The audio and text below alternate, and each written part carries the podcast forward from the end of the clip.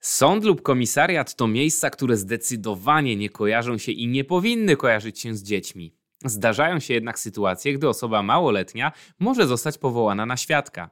W jakich sprawach dziecko może zeznawać? Gdzie odbywa się takie przesłuchanie? Czy można go uniknąć?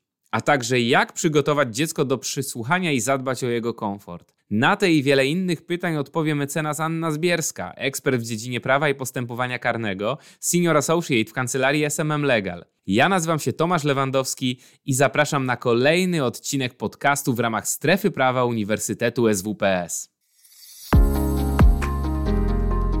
Słuchasz podcastu realizowanego w ramach Strefy Prawa Uniwersytetu SWPS. Więcej materiałów z zakresu prawa znajdziesz na prawoswps.pl oraz w kanałach multimedialnych naszego projektu na YouTube i Spotify.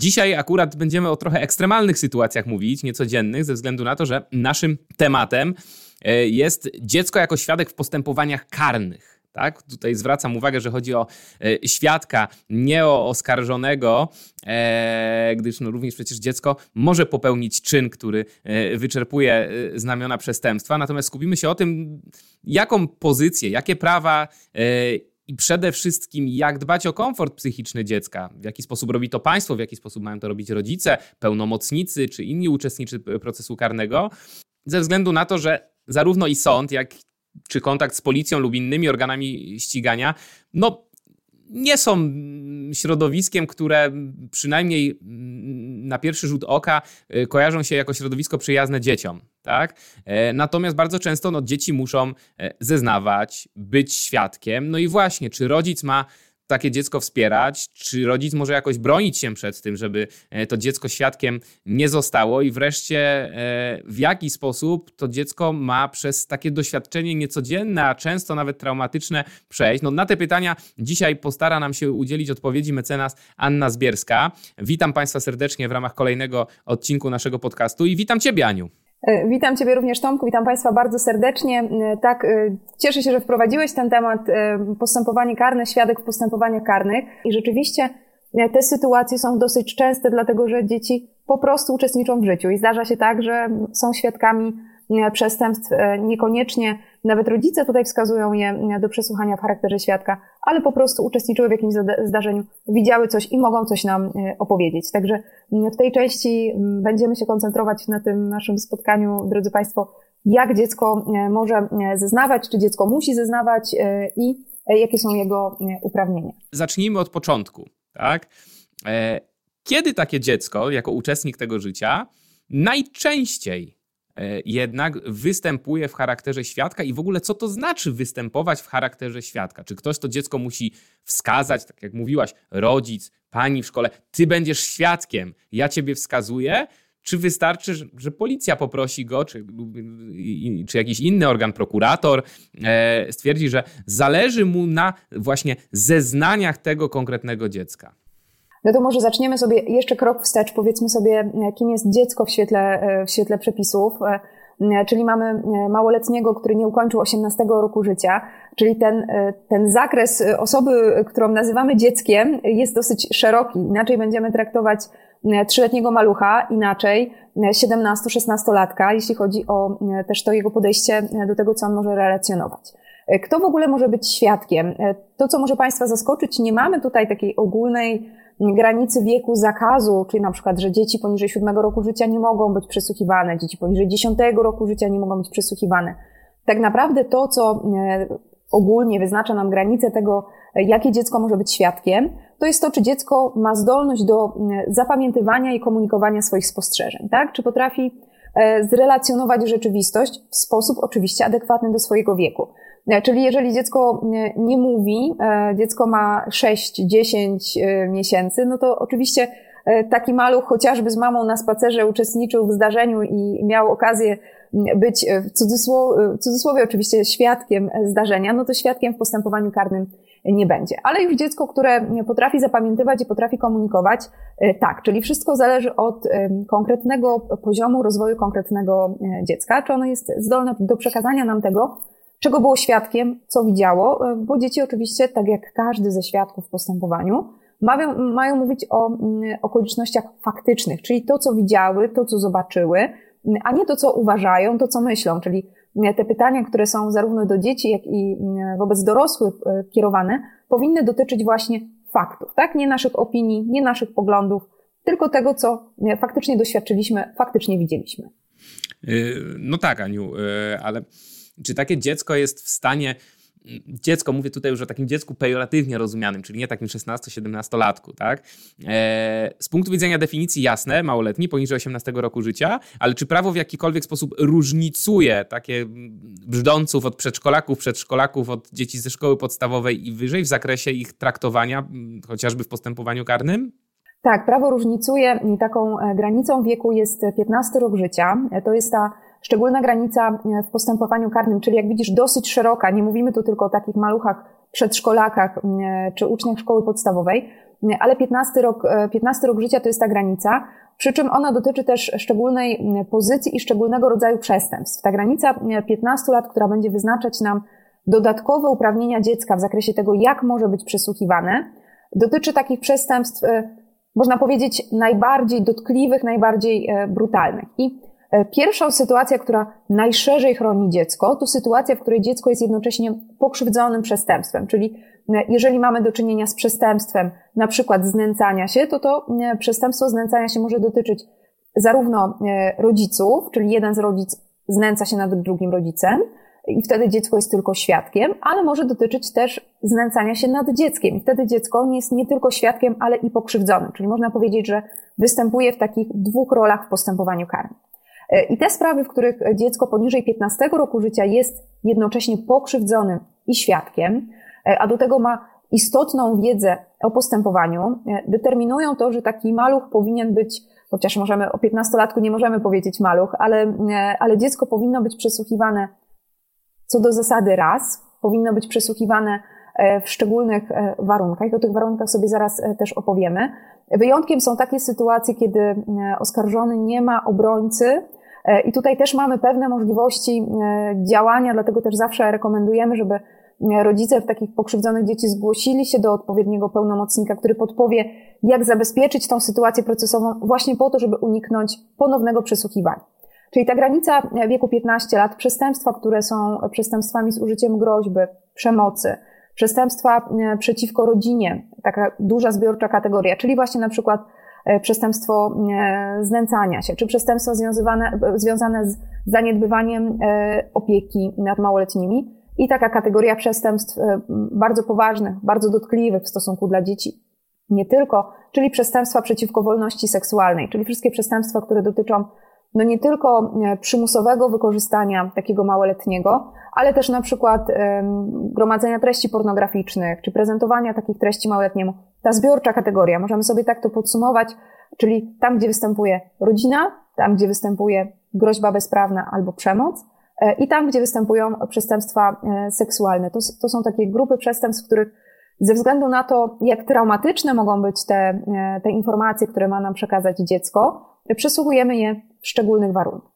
E, ale oczywiście e, prawo chroni nie tylko pokrzywdzonych, e, prawo chroni też świadków takich, małoletnich świadków takich przestępstw, czyli również w przypadku, i tutaj mamy wyliczone kategorie, trochę węższy katalog, nie będziemy tutaj Państwu szczegółowo tych przestępstw wymieniać, ale również takie podobne przestępstwa, jeżeli dziecko jest świadkiem w chwili przesłuchania nie ma ukończonych 15 lat, również dziecko świadka przesłuchuje się w takich warunkach. No i Czym różnią się takie warunki od przesłuchania e, na sali sądowej? Przede wszystkim e, takie przesłuchanie odbywa się w osobnym, przystosowanym do tego pomieszczeniu. To są tak zwane niebieskie pokoje. Może Państwo się z takim pojęciem już wcześniej spotkali.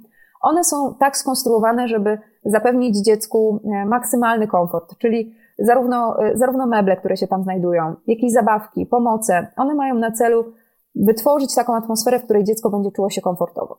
E, ponadto e, taki pokój jest rozdzielony, czyli z dzieckiem w trakcie przesłuchania e, przebywa tylko, tylko sędzia i psycholog, który obserwuje dziecko. Pozostałe osoby, które mają w tym przesłuchaniu uczestniczyć albo mogą uczestniczyć, na przykład obrońcy, znajdują się poza tym pomieszczeniem, tak? Czyli tutaj dziecko nie doświadcza takiej sytuacji przytłoczenia nadmierną ilością osób, które mogą w tym przesłuchaniu uczestniczyć. Oczywiście zabezpieczenie interesu osób oskarżonych pozwala nam na zadawanie pytań taki, y, dziecku, ale one nie są kierowane y, do dziecka bezpośrednio, tak? Czyli to, co Państwo możecie sobie czasami wyobrazić z filmów, że pełnomocnicy wzajemnie się atakują, tworzą jakiś krzyżowy ogień pytań, prawo tutaj temu przeciwdziała. Takiej sytuacji nie będziemy mieć z dziećmi, które są przesłuchiwane w ramach tego przesłuchania w niebieskim pokoju, kiedy to pytania są kierowane tylko przez osobę przesłuchującą, również protokolant siedzi w osobnym pomieszczeniu. Natomiast to, co jest istotne, to to, że takie przesłuchanie jest nagrywane. E, chodzi o to też, e, żeby zabezpieczyć jednak prawidłowy tok postępowania w sytuacji, w której dziecko będzie przesłuchiwane tylko jednokrotnie, e, aby osoby, które będą takie nagranie później oglądały, miały szansę ocenić też na podstawie zachowania dziecka, czy jest ono wiarygodne, czy to, co mówi, jest zgodne z prawdą. No i teraz przechodzimy do tego, o co zapytałeś mnie na początku, czyli czy taki maluch w ogóle ma możliwość relacjonowania tego, co widzi i czy to, co on widzi, e, jest, e, w ogóle da się w jakiś sposób odtworzyć. No, tu musimy sobie e, powiedzieć od początku, bardzo lubię takie zdanie, że dzieci nie wiedzą mniej, dzieci wiedzą inaczej. I oczywiście ten psycholog, który jest obecny w trakcie przesłuchania, ma też za zadanie ocenić wiarygodność dziecka z uwzględnieniem jego rozwoju, tak? Czyli też sposób zadawania pytań będzie dostosowany do tego, w jaki sposób dziecko się komunikuje, w jaki sposób dziecko zapamiętuje. Tak, najmłodsze dzieci niekoniecznie będą potrafiły umiejscowić dane zdarzenie w określonej dacie. Jeżeli zapytamy e, trzylatka albo czterolatka, czy 13 lutego 2023 roku oglądał nasz webinar, e, to pewnie e, nie będzie w stanie powiedzieć, czy tak, czy nie. Ale gdyby dziecko obejrzało taki webinar i zapytalibyśmy je, czy to było tego dnia, kiedy babcia odebrała cię z przedszkola, czyli już mamy taki punkt zaczepienia konkretny w sytuacji dotyczącej dziecka, czy to było przed obiadem, czy po obiedzie, tak? Czy to było przed wieczorną kąpielą, czy po wieczornej kąpieli, tak? To są takie elementy, które pozwalają nam e, zadać pytanie dziecku w sposób przystępny i umożliwiający takie odtwarzanie przez niego rzeczywistości, jakie jest adekwatne do jego poziomu rozwoju.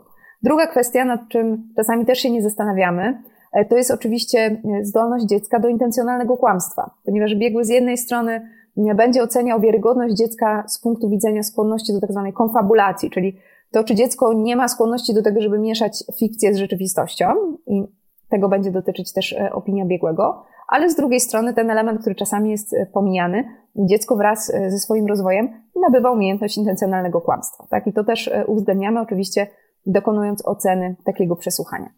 Y, ja mam jeszcze do Ciebie pytanie takie praktyczne, żebyśmy sobie wszyscy mogli wyobrazić, jak to wygląda. Tak? Mamy taki niebieski pokój, kolorowe meble, misie, jest jakieś lustro weneckie, bo już wspomniałeś, że protokolant jest w odrębnym pokoju, czyli pewnie on musi mieć jakieś lustro weneckie, czy jakiś mikrofon, głośnik podłączony do tego, żeby, żeby, żeby to słyszeć. Natomiast mm, poza dzieckiem, kto jeszcze w, bezpośrednio w takim pokoju przebywa? Bezpośrednio w takim pokoju, tak to jest najczęściej, przebywa e, zarówno psycholog, jak i, jak i sędzia. E, jeśli chodzi, ten, który prowadzi czynność, jeśli chodzi o e, rodziców, to tutaj sytuacja jest nieco bardziej skomplikowana, bo wydaje nam się, że jako rodzice przecież powinniśmy uczestniczyć w takiej czynności, powinniśmy to nasze dziecko wręcz za rękę trzymać. Osoby najbliższe dla takiego dziecka, opiekunowie prawni mogą wziąć udział w tej czynności wyłącznie pod warunkiem wydania takiej pozytywnej decyzji ze strony sądu, że nie, nie wpłynie to negatywnie na e, przebieg tego, e, tego przesłuchania, tak? Najczęściej te przesłuchania odbywają się właśnie pod nieobecność e, rodziców, dlatego że one bardzo często dotyczą spraw rodzinnych. Jeśli mamy sobie ocenić tą, tą ilość treści, którą może nam przekazać dziecko, tą częstotliwość występowania dziecka w charakterze świadka, to właśnie sprawy rodzinne, tak? Czyli Najczęstszym takim przestępstwem, w którym e, oprócz e, takich przestępstw molestowania, to jest przestępstwo znęcania się nad dziećmi, tak? Zarzut znęcania się nad, nad mamą, zarzut znęcania się nad tatą i zarzut znęcania się nad dziećmi. Wtedy oczywiście, jeśli jeden rodzic oskarża drugiego, no to nie może być obecny przy takim przesłuchaniu, żeby nie wpływało to na tą treść, którą, którą ma nam przekazać dziecko. E, a jeżeli chodzi o pełnomocników? Pełnomocnicy również znajdują się za tym lustrem weneckim, tak? Czyli my nie mamy bezpośredniego kontaktu z dzieckiem. Oczywiście, e, jeśli jesteśmy już na tym etapie ustanowieni, bo to czasami bywa tak, że do takiego przesłuchania dziecka dochodzi, zanim tak naprawdę komuś zostaną postawione konkretne zarzuty. Czyli w ramach postępowania przygotowawczego. Tak, zanim ktokolwiek się dowie, że takie postępowanie się toczy. Ale właśnie po to są te regulacje e, dotyczące tego, że wyłącznie gdyby w tym przesłuchaniu dziecka nie pojawiły się coś bardzo istotnego, to tylko wtedy pod szczególnymi warunkami możemy to dziecko przesłuchiwać ponownie, tak? Bo chodzi o to, żeby z jednej strony oczywiście mm, zabezpieczyć prawidłowe rozpoznanie sprawy, ale z drugiej strony wymiar sprawiedliwości ma przede wszystkim chronić dzieci. Po pierwsze ma chronić je przed traumą samą sobie związaną z byciem świadkiem, z przesłuchiwaniem, z zadawaniem pytań, E, często nawet dorośli mają takie poczucie, kiedy idą e, na rozprawę, że to jest sprawdzian ich wiedzy, że oni koniecznie muszą odpowiedzieć zgodnie z prawdą, że jeżeli się okaże, że czegoś nie pamiętają, to oblali ten egzamin. A to zupełnie nie tak. E, stąd to się chyba nazywa jakąś podwójną wyktymizacją, tak? Tak, to jest po, po, po, też takie zjawisko kryminalizacji tych dzieci, tak? Kiedy one gdyby były przesłuchiwane w normalnych warunkach, one doświadczałyby takiego mm, zapoznania z tym światem, który jeszcze powinien być dla nich obcy, tak? Czyli to wszystko ma na celu chronić te dzieci, żeby one potraktowały to jako przyjazną rozmowę. Oczywiście dzieci się stresują mimo wszystko w takich sytuacjach i tutaj nie będę Państwa oszukiwać, bo e, każda taka rozmowa z obcą osobą jest dla dziecka pewnego rodzaju wyzwaniem, ale staramy się robić wszystko, żeby ten stres po prostu zminimalizować. E, natomiast jeszcze pytanie a propos biegłego psychologa. E, pełnomocnicy przygotowują listę pytań, tak? I potem taki psycholog, tak jak powiedziałaś, on musi je zadać w taki odpowiedni, nastawiony do wieku i kompetencji dziecka sposób. Czyli rozumiem, że listę pytań e, albo listę zagadnień taki psycholog dostaje przed tym spotkaniem i on jest w stanie się odpowiednio przygotować i przełożyć je na taki język dziecięcy.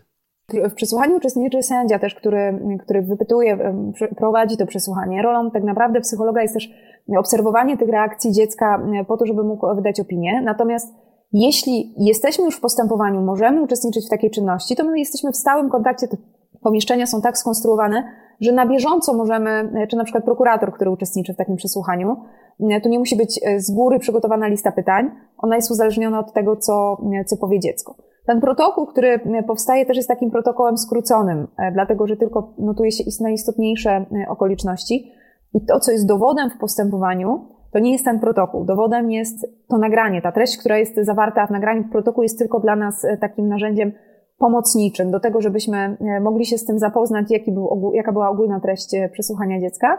Natomiast y, to wszystko, co jest na nagraniu, to jest treść jego, jego zeznania, tak? która jest. No bo tak jak powiedziałeś, że zeznanie to nie tylko to, co dziecko mówi, ale też w jaki sposób mówi, w jaki sposób reaguje, czyli całokształt sygnałów, tak? które od tego dziecka można odebrać, wyczytać. Tak, w jaki sposób możemy na przykład zorientować się, e, jeżeli chodzi o świadków dorosłych, zupełnie inaczej, jeżeli chodzi o, o świadków, który, którzy są jeszcze dziećmi. Zupełnie inaczej e, wygląda to właśnie ten proces odtwarzania informacji e, i ustawiania ich, można powiedzieć, na takiej osi czasu, tak? Jeżeli dorosły bardzo gubi się w chronologii, e, myli fakty, myli tą kolejność wydarzeń, to jest to dla nas informacja, że być może taki świadek jest świadkiem niewiarygodnym. Zapala nam się lampka ostrzegawcza. W przypadku dzieci ta chronologia, co pewnie miałeś okazję też zaobserwować nieraz, jest dosyć mocno zaburzona. Tak? Dzieci potrafią powiedzieć, że wczoraj E, było pół roku temu, tak? Wracają do tych, do tych informacji, opowiadają nam jakieś historie z przedszkola, które wiemy, że no nie mogły się wydarzyć dzisiaj, bo dzisiaj na przykład dziecka w przedszkolu nie było, ale one, to nie znaczy, że te sytuacje nie miały miejsca. I oczywiście psycholog, który ocenia takie przesłuchanie, ma tego świadomość, tak? Dlatego też sąd posiłkuje się taką opinią psychologa, um, uwzględniając te aspekty wiarygodności dziecka. Ale oczywiście zachowanie, tak jak powiedziałaś, również jest istotne, czyli wszystkie nasze gesty e, i gesty dziecka, ale równie istotny jest też na przykład sposób wypowiedzi. Jeżeli weźmiemy sobie e, takiego 3-4-latka, to jego zasób słów związany jest przede wszystkim i z normalnymi jego możliwościami, jak również z tym środowiskiem, w którym on się wychowuje. E, I teraz ocena tego, w jaki sposób dziecko komunikuje określone fakty, może nam podpowiedzieć, czy ten przekaz to jest jego przekaz, czy to jest przekaz zasłyszany, czy wręcz zaprogramowany, jak czasami e, mówimy, temu dziecku przez inną osobę. E, jeżeli dziecko posługuje się słowami, które nie znajdują się w jego zasobie, które są słowami zbyt trudnymi do jego stopnia rozwoju, do jego wieku, no to jest też taki właśnie sygnał ostrzegawczy, że być może z dzieckiem ktoś wcześniej rozmawiał, w jaki sposób ma zeznawać, tak? I wtedy to są takie elementy, które burzą wiarygodność takiego świadka. Ale oczywiście tych naszych argumentów nie podnosimy nigdy w stosunku do dziecka, nigdy nie, nie oceniamy tego w trakcie przesłuchania, nie mówimy temu, temu dziecku, tak? Tylko to są już argumenty, które podnosimy do tej do tej opinii, która jest, którą posiłkuje się sąd, jeśli mówi o, o wiarygodności dziecka. Czyli staramy się, żeby dzieci były przesłuchiwane w jak najbardziej komfortowych warunkach. No dobrze, powiedzieliśmy sobie, w jakich sprawach dziecko może zeznawać, w jakich warunkach może zeznawać. No i teraz takie pytanie do ciebie. No, e, popraw mnie, jeżeli się mylę, ale istnieje taka instytucja prawie procesowym karnym, jak prawo odmowy składania zeznań, tak? I kogo ono dotyczy? Oczywiście, nie, nie mylisz się, tak. Ono dotyczy e, osób, e, osób najbliższych. Mamy tutaj mm, tak, taki zamknięty katalog e, tych osób, które, które mogą odmówić składania zeznań, czyli na przykład rodzeństwo, rodzice, czy właśnie dzieci. Jest jeszcze oczywiście osobna instytucja, która pozwala nam złożyć wniosek taki, żebyśmy nie musieli być przesłuchiwani ze względu na pewien szczególny stosunek, e, jakąś relację, kiedy nie jesteśmy ze sobą spokrewnieni, ale to już wtedy jest decyzja sądu. Natomiast w tych przypadkach, o których przykładowo wymieniłam, czyli właśnie rodzice, dzieci, rodzeństwo, możemy, oczywiście jeżeli pozostajemy w tej relacji w stosunku do oskarżonego, odmówić składania zeznań. No i tutaj nie ma żadnej granicy, która e, powoduje to, czy z tego prawa możemy skorzystać, czy nie. Tak? Oczywiście pojawiały się kiedyś takie głosy. No o to chciałem właśnie zapytać, tak? Oskarżony jest jeden rodzic.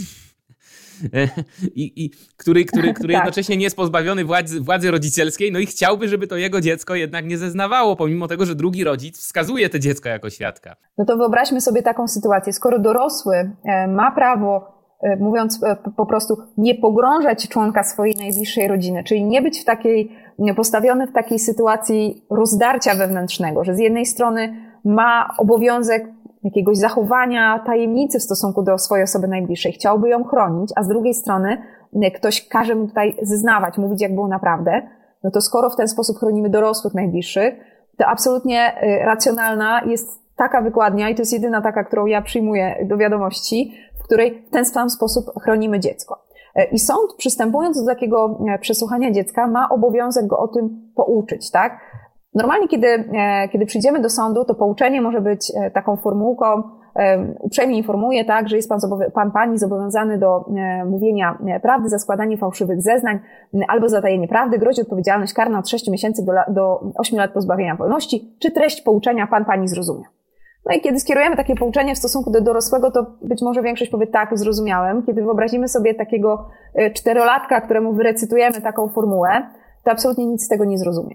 E, ale ten sposób pouczenia przez sąd może być dowolny, czyli wystarczy, że w tej wstępnej rozmowie e, sędzia powie dziecku, że musi mówić prawdę. Czy rozumie, co to jest prawda?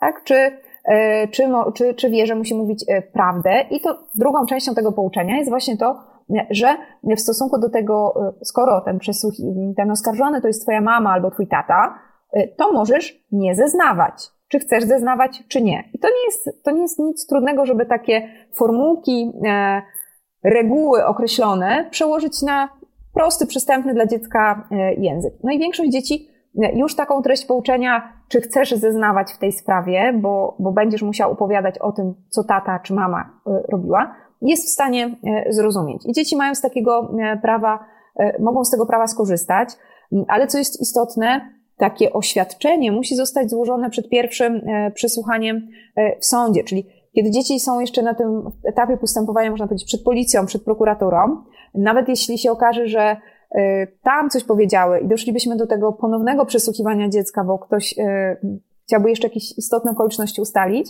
no to zanim dojdzie do tego przesłuchania sądowego, dziecko jeszcze może z tego skorzystać, tak? Z tego prawa, żeby swoich um, najbliższych nie pogrążać, żeby nie być w takim wewnętrznym konflikcie emocjonalnym, który będzie dla niego e, bardzo trudny. E, natomiast e, jak wygląda w praktyce w ogóle fakt, o to też pytałeś, powoływania dzieci na świadka? To inicjatywa dowodowa z jednej strony to są strony postępowania, czyli w postępowaniu przygotowawczym takie wnioski może składać pokrzywdzony, podejrzany, prokurator może wtedy je prowadzić e, z urzędu. E, kiedy przechodzimy do postępowania sądowego, to sąd decyduje, panuje nad postępowaniem i wtedy wnioski dowodowe może złożyć prokurator już jako strona, e, oskarżony, albo pokrzywdzony, który działa jako oskarżyciel posiłkowy, czyli wspiera, można powiedzieć, prokuratora w tym procesie, bardzo chce też uczestniczyć, jakby bronić indywidualnie tych swoich, tych swoich uprawnień, ale też sąd z urzędu. I oczywiście takim modelowym świecie, kiedy mówimy, że nie chcielibyśmy przesłuchiwać naszych dzieci, to sąd powinien takie rozsądne życzenie rodziców uwzględnić. Natomiast no, trochę jako ciekawostkę mogę powiedzieć Państwu, że mieliśmy już taką sprawę, która dotyczyła znęcania się jednego zarzutu, znęcania się jednego współmałżonka nad drugim. I pomimo, że niezwykle skonfliktowani byli rodzice ze sobą, E, to jednak, e, gdy chodzi o ochronę praw ich dzieci, mieli pełną zgodność i każdy z rodziców powiedział, nie chcę przesłuchania mojego dziecka. Nie chcę mieszać go e, w to postępowanie sądowe. Natomiast sąd tutaj uznał, że dzieci widziały tak dużo, że jednak te okoliczności, które, o których miałyby opowiedzieć, mają istotne znaczenie. I sąd ten dowód dopuścił z urzędu. Miał do tego prawo, czyli ten sprzeciw rodzica nie jest w stosunku do sądu wiążący, tak? Oczywiście jeżeli dotyczy to dzieci, które, e, które potrafią e, już samodzielnie pisać, e, możemy spróbować przedłożyć sądowi takie oświadczenie, że one odmawiają składania zeznań, po to, żeby nie ściągać ich do, na te przesłuchania. Natomiast sytuacja jest troszkę bardziej skomplikowana w stosunku do dzieci mniejszych, tak, które samodzielnie tego, tego nie napiszą. Tutaj może zdarzyć się tak, że będą zaproszone na to, na to przesłuchanie i takie oświadczenie będą musiały do tego protokołu złożyć, że one nie chcą opowiadać nie chcą, nie chcą zeznawać. Ale dalej, pomimo tego swojego e, młodego wieku, nie tracą tego uprawnienia. Mogą, i, i o tym powinniśmy pamiętać, że to też jest e, nas jako rodziców pewna forma ochrony w tych sprawach, które dotyczą konfliktów rodzicielskich, żeby takie dziecko odmówiło składania zeznań. Jasne, to jest e, ważne, co mówisz e, też w kontekście pytania, które pojawiło się na webinarze. Tutaj pani Julia zadała nam pytanie dotyczące zagadnienia przemocy pośredniej. Ono troszkę jest bardziej psychologiczne, więc ja od razu postaram się zacząć od tego, no, że zarówno mm, mecenas Zbierska, jak i ja no, nie mamy kompetencji na tyle rozwiniętych w tym obszarze, żeby udzielić odpowiedzi w taki sposób satysfakcjonujący, być może jakiego oczekuje pani Julia. Natomiast pytanie pytanie dotyczy tego, czy y, dziecko dotyczące przemocy pośredniej, y, którą też pani Julia definiuje jako obserwowanie tej wzajemnej przemocy pomiędzy rodzicami, czyli to, o czym przed chwilą mówiła, że ci rodzice byli w tym konflikcie i to dziecko to słuchało. Czy ona może być tylko świadkiem, przecież jest też w pewien sposób ofiarą, no bo samo obserwowanie takiej sytuacji przemocowej wpływa negatywnie na, na to dziecko, no i tutaj bez żadnej wiedzy psychologicznej możemy się z tym zgodzić i, i, i to potwierdzić. Mm, stąd też nie wiem, Aniu, być może e, byłaby możliwość już jakiejś materialno-prawnej kwalifikacji tego jak, jako znęcania się właśnie nad rodziną, nad dzieckiem, tego jeżeli w szczególności to inicjowanie przemocy względem drugiego rodzica jest z, z jednej strony, nie wiem, może masz jakiś pomysł na to, żeby odpowiedzieć na pytanie pani Julii, ale tu chyba bardziej chodzi o jakąś kwalifikację tego. Jeżeli chodzi o takie dzieci, które są świadkami przemocy, to żebyśmy zdefiniowali przestępstwo znęcania się, e, to to zachowanie sprawcy musi bezpośrednio oddziaływać na to dziecko, czyli e, sama obserwacja e, nie jest w mojej ocenie wystarczająca do tego, żeby kwalifikować, że ten rodzic znęca się także nad dziećmi, tak. Ale jeżeli do tego dochodziłyby pewne okoliczności, na przykład nie wiem, celowe mm, posadzenie takiego dziecka w określonym miejscu, po to, żeby ono to obserwowało, czyli nie, że dziecko jest takim biernym obserwatorem, tylko jest też przedmiotem tego, tego oddziaływania tego sprawcy przemocowego, no to wtedy w zależności od tego, e, w jaki sposób to, to przebiega, moglibyśmy się zastanowić nad przestępstwem znęcania się. Ale e, tym elementem, który e, tak naprawdę determinuje to, żebyśmy mogli mówić w ogóle o przestępstwie w stosunku do tego dziecka, jest właśnie to bezpośrednie oddziaływanie, ta, ta relacja tych zachowań w stosunku do, w stosunku do y, sprawcy. Ale temat, który poruszyła pani Julia, jest y, tematem w mojej ocenie jeszcze takim nie do końca uregulowanym, bo to rzeczywiście pewnie psychologowie wypowiedzieliby się na ten temat na kolejnym osobnym webinarze, że takie zachowania wpływają tak na, na dziecko i to, i to bez dwóch zdań.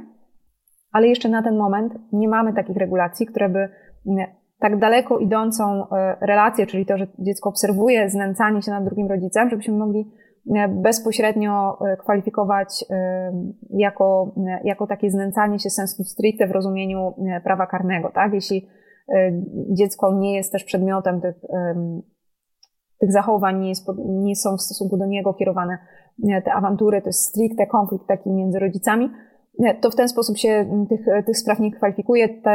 Ta kwalifikacja dotyczy wtedy znęcania się nad tym konkretnym małżonkiem. Mhm.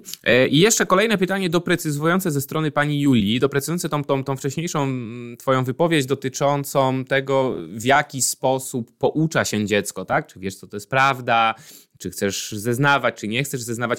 E, tutaj pani Julia zadaje pytanie, czy wyjaśnia się takiemu dziecku, po co w ogóle ono zostało wezwane, po co ma zeznawać i co najważniejsze, jakie będą potencjalne konsekwencje. Tutaj chyba pani Julii chodzi o to, że na przykład tatuś może iść do więzienia, tak?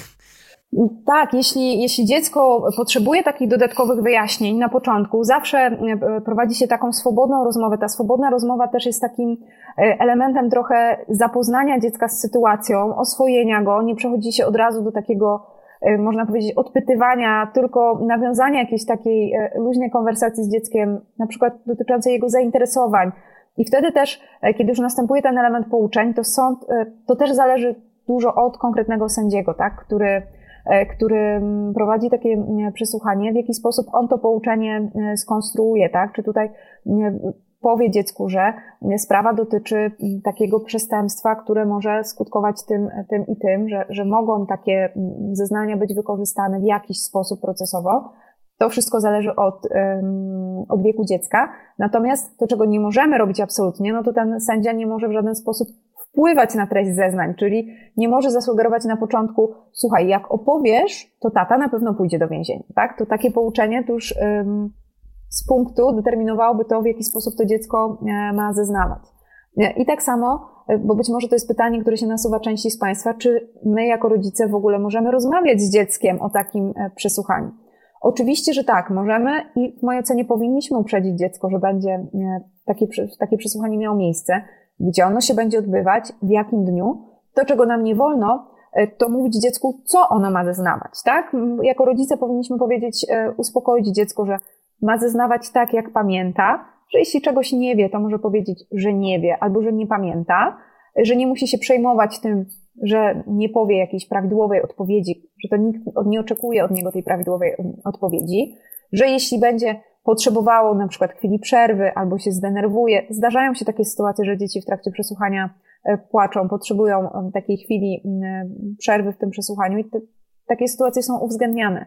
Natomiast to, czego, e, czego nie powinniśmy absolutnie robić, no to usiąść z dzieckiem i powiedzieć, słuchaj, tak, sprawa dotyczy tego i ja bym chciała, żebyś powiedział, że tata mnie bije. Pamiętasz, że tata mnie bije? ja bym chciała, żebyś jednak pamiętasz i tutaj to jest właśnie takie nakręcanie dziecka niezależnie od tego, co ono było w stanie samo zaobserwować. My czasami widzimy, że to jest taka relacja zaprogramowana. Bardzo trudno się ocenia takie, takie zeznania, jeśli nie widzi się tego kontekstu, ale już z zeznań innych osób, z porównania tego, co mówi dziecko, no można wysłyszeć jednak, że, że to jest to co, to, co dziecko miało powiedzieć, bo dorosły prosił go o powiedzenie tego. E, no i też dzieci, pamiętajmy, są z natury szczere. Dzieci y, w większości przypadków y, zapytane na to, czy rozmawiał z mamą czy z tatą przed przesłuchaniem, powiedzą, że tak. I tutaj, jeżeli sąd y, będzie widział, że te, takie przesłuchanie zostało nakierowane w określoną stronę, to zupełnie inaczej będzie ten dowód zeznań tego dziecka oceniać. A czy takie nakierowanie dziecka czy programowanie, jak nawet powiedziałaś, tak, e, jest karane podobnie jak składanie fałszywych zeznań? Czy taki rodzic może ponosić odpowiedzialność za manipulowanie materiałem dowodowym w postaci zeznań? No tutaj taką najbardziej e, dotkliwą sankcją w stosunku do osoby, która jest e, oskarżona czy podejrzana jest możliwość stosowania wobec niego środków zapobiegawczych, tak? Czyli ta sytuacja, w której, w której on nakłania do składania fałszywych, fałszywych zeznań. Oczywiście moglibyśmy też sobie wyobrazić konstrukcję, no bo samo składanie fałszywych zeznań e, jest, e, jest karalne, e, ale samo składanie fałszywych zeznań dziecko no oczywiście nie może być ze względu na swój wiek podmiotem takiego, takiego przestępstwa, sprawcą takiego przestępstwa, bo tak jak dobrze wiesz, tutaj granica wieku ma znaczenie, jeśli chodzi o odpowiedzialność karną. Ewentualnie w grę wchodzi ustawa dotycząca nieletnich, ale no trudno ocenić, czy moglibyśmy tutaj nazwać to już podżeganiem do popełnienia czynu zabronionego, no, skoro samo dziecko takiego czynu tutaj świadomie nie popełnia, w ogóle wykazanie tego, że, że dziecko było nakłaniane do składania fałszywych zeznań jest dosyć trudne, tak? Same procesy też o składanie fałszywych zeznań są dosyć, są dosyć trudne, ale na pewno to, co, to, co grozi w takim procesie, to jest całkowita dyskwalifikacja tego, tego dowodu, jak i też częściowo często dowodów pośrednich, tak? Czyli jeżeli e, mamy pokrzywdzoną e, czy pokrzywdzonego przestępstwem, który twierdzi, że e, druga osoba się nad nim znęcała, to jeżeli kreuje tutaj takie, mówi dziecku, żeby dziecko zeznawało w określony sposób, no to z punktu czyni niewiarygodnym też to dziecko, ale ujawnia pewną swoją motywację procesową. Bo to, co z dużym smutkiem to muszę powiedzieć, to co obserwujemy w ostatnim czasie, to jest próba wykorzystywania postępowania karnego w sporach, które dotyczą opieki nad dziećmi. To jest taki nowy, bardzo niepokojący trend e, wykorzystywania e, oskarżeń o znęcanie się, czy oskarżeń o popełnianie, e, tak, przestępstw seksualnych, o molestowanie dzieci, po to, żeby zdyskredytować drugiego rodzica, tak? nie zawsze rodzice w tych emocjach, które towarzyszą procesowi, które to, to, towarzyszą rozstaniu, zdają sobie sprawę z konsekwencji tego swojego oskarżenia. Tak? Po pierwsze, sami na własne życzenie zapewniają dziecku udział w takim postępowaniu. Jeżeli składają takie zawiadomienie, nie mówimy oczywiście o sytuacjach, kiedy one miały miejsce, takie, takie czyny, bo te piętnujemy absolutnie i y, myślę, że mamy tutaj pełną zgodę. Mówimy tylko o fałszywym zawiadamianiu tylko po to, żeby uzyskać jakąś przewagę w procesie rozwodowym, w procesie dotyczącym e, opieki nad dziećmi. Więc warto zawsze w takich sytuacjach zrobić jednak e, krok wstecz, zanim podejmiemy taką decyzję już nie tylko myśląc o swojej odpowiedzialności karnej, bo oczywiście fałszywe zawiadamianie o popełnieniu czynu zabronionego tu jest karalne, tak? To, to bez, bezwzględnie, ale o to, co fundujemy swojemu dziecku, tak? Czy rzeczywiście e, wmawianie mu że było omolestowane, wmawianie, że tata czy mama się nad nim e, znęcali, jest warte tego, co chcemy osiągnąć w tym procesie dotyczącym e, opieki. Jest takie zjawisko, korzystając z tego, że, że część osób nas słucha, być może część osób jest w takich procesach, może takie pomysły są im wręcz e, podsuwa, podsuwane też czasami, żeby z tego skorzystać, no to tutaj chciałabym Państwa przed tym przestrzec. Nie róbmy tego ani tej drugiej osobie, ani też e, naszym dzieciom, które będą musiały w takim procesie uczestniczyć. No bo tak naprawdę to one stają się ofiarą takich oskarżeń, kiedy dziecku wmawia się, mm, że jest molestowane, że jest ofiarą przemocy wtedy, kiedy, e, kiedy, kiedy do takich sytuacji e, nie dochodzi. Mm, dobrze, a czy dziecko, no poza tym wsparciem rodziców, psychologów i tak dalej, ma jeszcze jakieś takie gwarancje procesowe? Mamy Rzecznika Praw Dziecka, tak? E, który w postępowaniu, e, czy Rzecznika Praw Obywatelskich, który w postępowaniu no, może uczestniczyć, tak, żeby zapewnić no, ochronę tak, przestrzegania praw człowieka. E, mamy też prokuratora, którego generalnym obowiązkiem jest zapewnienie sprawiedliwego przebiegu postępowania mamy pewnego rodzaju organizacje społeczne, tak, które również mogą występować e, w postępowaniu, tak? zwłaszcza takie, których, których e, przedmiot działalności wiąże się z ochroną szeroko pojętego dobra dziecka. Tak? Czy w praktyce mm, ci uczestnicy, czy te podmioty trzecie również mogą jakoś wspierać dziecko, e, które po pierwsze oczywiście no jest pokrzywdzonym tak, w wyniku przestępstwa, ale po drugie również świadkiem to przede wszystkim to, to wsparcie oczywiście dotyczy sytuacji, w których, w których dziecko jest pokrzywdzonym, kiedy e, te aktywności procesowe e, podejmują e, nie tylko, nie tylko strony, ale też te instytucje, które, które wymieniłeś.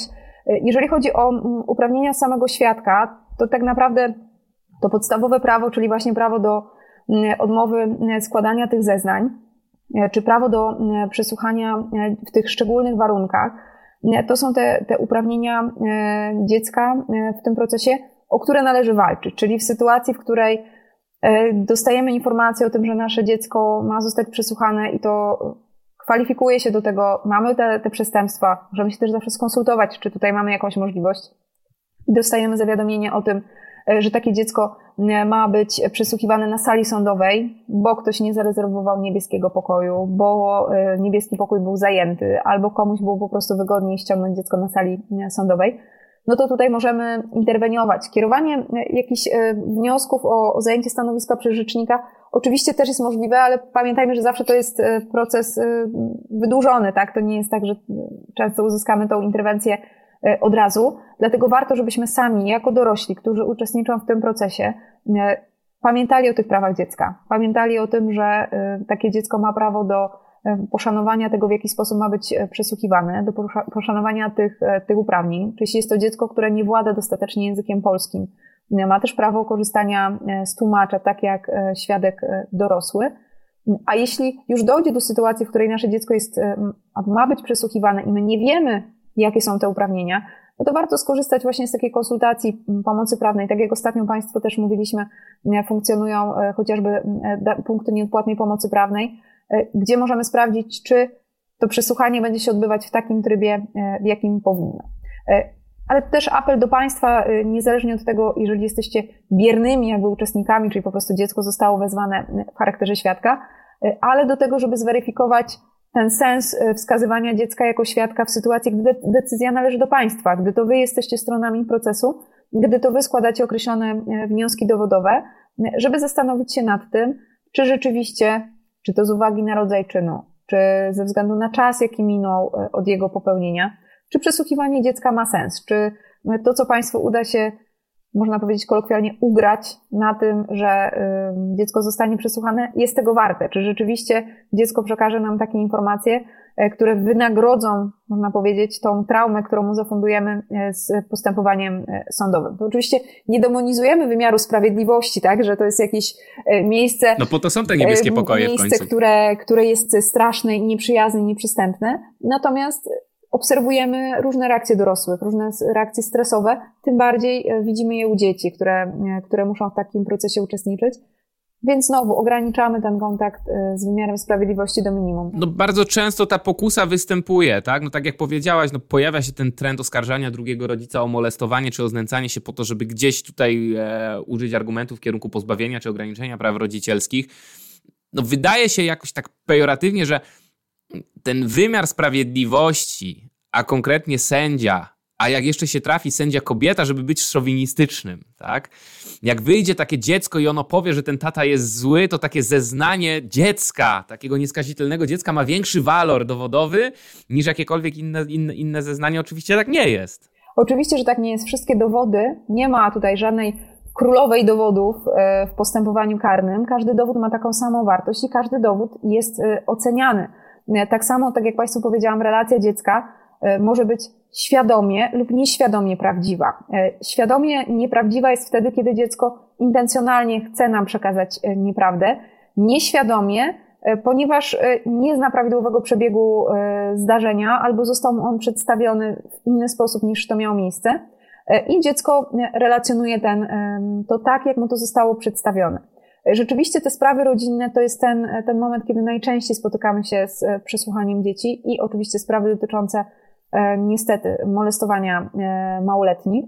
Natomiast dla przykładu, żeby pokazać Państwu, w jakich sprawach nie przesłuchujemy dzieci, no to w sytuacji, w której dziecko było uczestnikiem wypadku drogowego, kiedy przebywało w pojeździe, dziecko kilkuletnie, z dużym prawdopodobieństwem nie będzie mieć, jeżeli na przykład jeszcze straciło w trakcie tego e, wypadku e, przytomność, nie będzie miało nam do przekazania tak istotnych okoliczności, które dotyczyły e, prędkości, czy tego, czy ktoś komuś ustąpił pierwszeństwa, czy nie, co się wydarzyło. Te dzieci, można powiedzieć, zostawiamy sobie zawsze na sam koniec, tak, do oceny, czy rzeczywiście. Ale już na przykład, czy tata wypił piwko?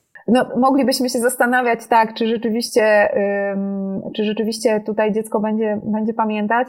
Bo praktyka pokazuje, że e, jednak skoro dysponujemy obiektywnym badaniem, takim e, jakim jest badanie e, krwi czy badanie alkoholu w wydychanym powietrzu, no to nie będziemy tutaj tych dowodów podważać tylko tym, że przyjdzie maluch i powie, ja nie widziałem jak tata, tata pił piwo, tak? No wartość dowodowa wtedy jest żadna z takiego, z takiego przesłuchania, więc widząc taki wniosek dowodowy, sąd by takiego wniosku dowodowego po prostu nie dopuścił, czy prokurator w postępowaniu przygotowawczym.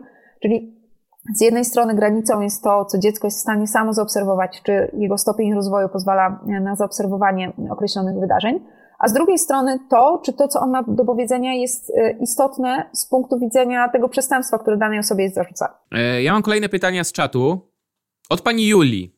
Tak, pani, pani, pani, pani Julia bardzo, bardzo jest zainteresowana kwestią przygotowywania tego dziecka do zeznań i tej różnicy, która pewnie jest różnicą bardzo płynną albo trudną do do schwytania pomiędzy przygotowaniem dziecka do zeznania, czyli o tym, do czego zachęcałaś i mówiłaś, żeby dziecku wytłumaczyć po prostu, na czym to polega, gdzie będziemy, co będziemy robić, e, od właśnie kwestii namawiania do składania e, fałszywych zeznań, no bo pani Julia tutaj nawiązując do, do, do twojej odpowiedzi, e, no powiedziałaś, że sędzia, sędzia, sędzia, tak, zapyta się, czy dziecko rozmawiało z dzieckiem, no zarówno, dziecko, przepraszam, rodzic, czy rozmawiał z dzieckiem, no zarówno w sytuacji przygotowania ta rozmowa miała miejsce, ale w przypadku namawiania też miała miejsce, w związku z tym takie pytanie praktyczne od pani Julii. Jak to w praktyce jest, e, co jest brane pod uwagę? Czy jest to intuicja sędziowska, e, czy, czy, czy, są jakieś metody? I wśród tych metod tutaj pani Julia od razu w kolejnym pytaniu, bo to jest taki ciąg pytań, który ja staram się teraz podsumować. E, proszę mi wybaczyć pani Julio, jeżeli robię to w sposób karkołomny. Natomiast pani Julia no, wskazuje, że ten biegły nie zawsze jest idealny, tak? Ze względu na to, że to nie są zawsze specjaliści e, i, i, ten status biegłego, e, czy jakieś wymogi względem tych biegłych, no nie jest uregulowany, tak? Więc y, może nie każdy może być biegłym, jednak no, z tego, co napisała pani Julia, no to jakiś tam probierz wymagań względem biegłych nie jest szczególnie wysoki. To znaczy, ja nie chciałabym oceniać tak ogólnie y, biegłych, którzy opiniują w naszych sprawach. Y, to są, to są osoby, które powinny mieć odpowiednie przygotowanie, y, odpowiednią e, wiedzę e, praktyczną e, i powinny mieć tą wiedzę specjalną również. Jeżeli zachodzi wątpliwość co do tego, czy, czy dana osoba może być biegłym, no to możemy taką, mamy środki procesowe, żeby ewentualnie wnioskować o powołanie innego biegłego, ale myślę, że to nie jest jakby najważniejsza część pytania pani Juli. Ta praktyczna część, Oczywiście e, nie rzucamy naszego dziecka, e, nie pakujemy go do samochodu i nie mówimy, e, nie powiem ci o co chodzi, jedziemy, będzie niespodzianka, bo w takiej sytuacji dziecko, które wejdzie i zostanie postawione przy konieczności udzielania odpowiedzi na pytania, to jak bardzo ten pokój byłby przyjazny, jak bardzo on nie będzie kolorowy, wywoła u naszego dziecka ogromny stres. Granica rzeczywiście jest dosyć cienka pomiędzy tym, w zależności też od intencji tej osoby, która, która przygotowuje dziecko, ale musimy poinformować je o przebiegu, tak? Że będzie, że to nie mama będzie pytać, że nie tata, tylko że będzie to e, inna osoba, która będzie zadawać e, pytania. E, że dziecko będzie mogło też powiedzieć coś swobodnie od siebie, że będzie odpowiadać na pytania, ale to, czego nie, wo, nie wolno nam absolutnie robić, to mówić, jak ma dziecko odpowiedzieć na pytania. No i oczywiście E, to pytanie, czy, czy ktoś z nim rozmawiał, najczęściej pojawia się wtedy, kiedy ten, ten przebieg relacji jest na tyle zaburzony, e, widać, że są jakieś takie elementy, które wskazują na brak wiarygodności dziecka. Wtedy dopytujemy. Ale dopytujemy nie tylko dziecko, dopytujemy przecież też osobę, e, z którą to dziecko miało rozmawiać, czyli przesłuchanie takiego rodzica. Jego również możemy zapytać, o czym pani rozmawiała z dzieckiem. I ten rodzic, który będzie przesłuchiwany, pod przysięgą, pod, pod rygorem poniesienia odpowiedzialności karnej, y, też ma obowiązek powiedzieć prawdę, na czym ten przebieg tej rozmowy y, polegał. Może to jest y, dobry pomysł, tak sobie teraz myślę, żeby jedna z naszych bajek opowiadała, w jaki sposób dziecko może być przesłuchiwane, żeby w taki przyjazny, przystępny sposób Państwu to przedstawić. Ale na ten moment to, co bym Państwu rekomendowała, to szczerą rozmowę z dzieckiem, poinformowanie go o tym, że jest takie postępowanie, że będzie musiało na takie przesłuchanie się udać, że tam się nie wydarzy nic złego, że e, to nie dziecko za coś odpowiada, bo często e, dzieci przyjmują taki mechanizm, że to one się czują winne, tak? Czyli musimy zdjąć e, jako dorośli z, z tych naszych dzieci takie poczucie, że tam się może im wydarzyć jakaś krzywda, czy że, że one będą za coś odpowiadać. Namawiajmy dzieci do szczerości, do tego, żeby odpowiadały tak, jak pamiętają. Nie sugerujmy im jakiejś odpowiedzi.